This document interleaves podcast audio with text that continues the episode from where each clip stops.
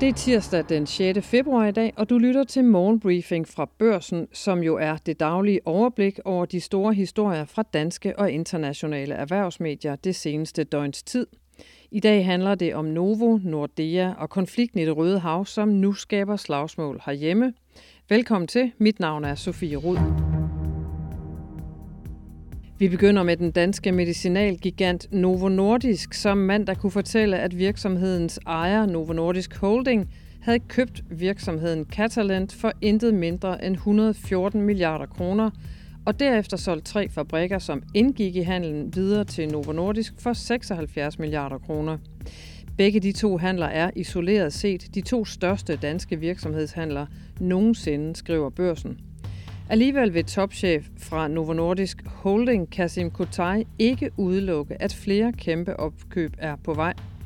I takt med, at Novo Nordisk tjener styrtende på molekylet semaglutide, som man bruger i diabetes- og fedmebehandling, vil, no- vil Novo Holdings pengekasse, der allerede er Danmarks største, bune. Og der er flere store handler i udsigt, men Kasim Kutai er ikke sikker på, at de bliver i samme størrelse som købet af Catalent – Kutai siger til børsen i dag. Jeg vil ikke udelukke det, men det er ikke, hvad du skal forvente. Jeg tror, du skal forvente mere af det, du typisk ser fra os. Måske en lille smule større, siger han.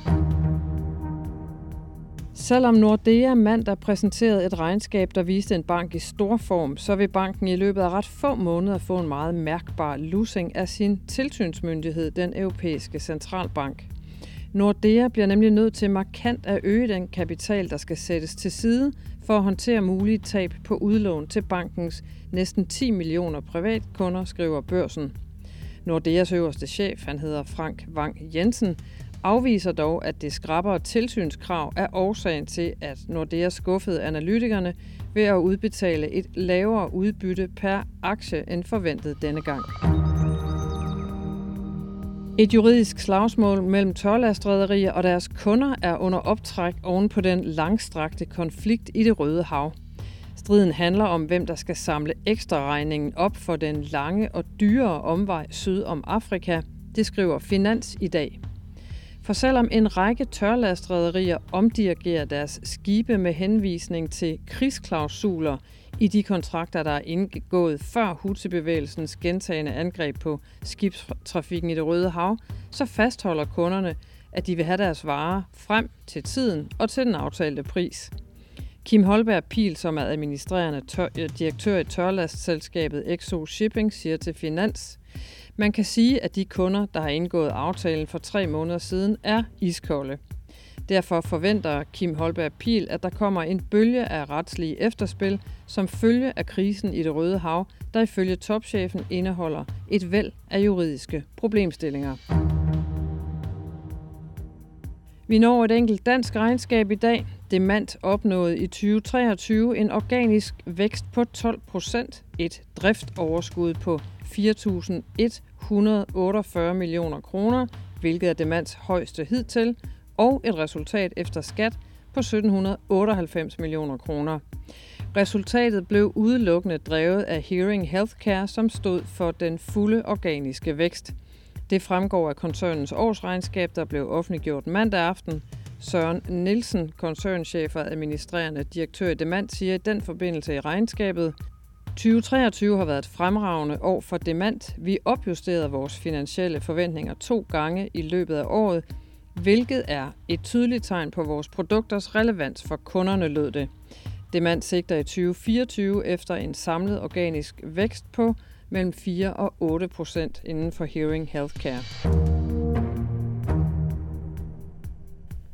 Den økonomiske vækst hos vores nabo mod syd og et vigtigt eksportmarked for Danmark, nemlig Tyskland, er nu så presset af manglende økonomisk vækst, at den tyske finansminister, han hedder Christian Lindner, nu åbent erkender, at Tyskland bliver fattigere, fordi man ikke evner at få landet tilbage i økonomisk vækst, det skriver Bloomberg.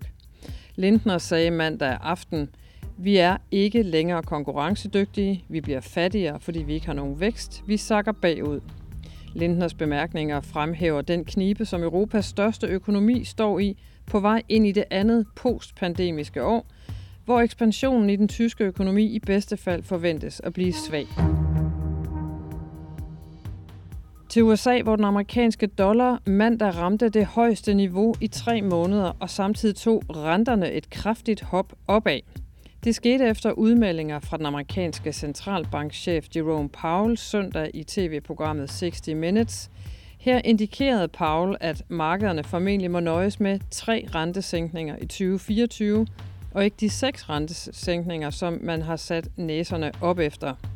Målt i forhold til syv andre vigtige valutaer, så steg dollaren 0,7 procent mandag. Og det interview med stigende renter til følge lagde pres på de amerikanske aktier, da markederne åbnede mandag efter weekenden. Men det sure morgenhumør blev lidt mildere op ad dagen. Der var især fremgang til Novo-konkurrenten Eli Lilly, som senere på ugen kommer med sit kvartalsregnskab, mens det var Nvidia, som inden for IT løb med det meste af opmærksomheden. S&P 500 faldt herefter med 0,3 procent, mens Nasdaq endte i et minus på 0,2 procent. De danske eliteaktier trodsede morgensurheden, og C25-indekset endte i et plus på 0,2 procent, især trukket op af medicinalkæmpen Novo. Den aktie steg 3,6 procent. Aktien hos danske Solar havde til gengæld endnu en trælsdag og tabte 12,52 procent af værdien mandag. Solar, der leverer VVS og ventilationsløsninger, har tabt næsten en fjerdedel af sin børsværdi i løbet af blot to handelsdage, efter at selskabet er kommet med skuffende forventninger til 2024. Fredag tabte virksomhedens aktie således 12,7 procent.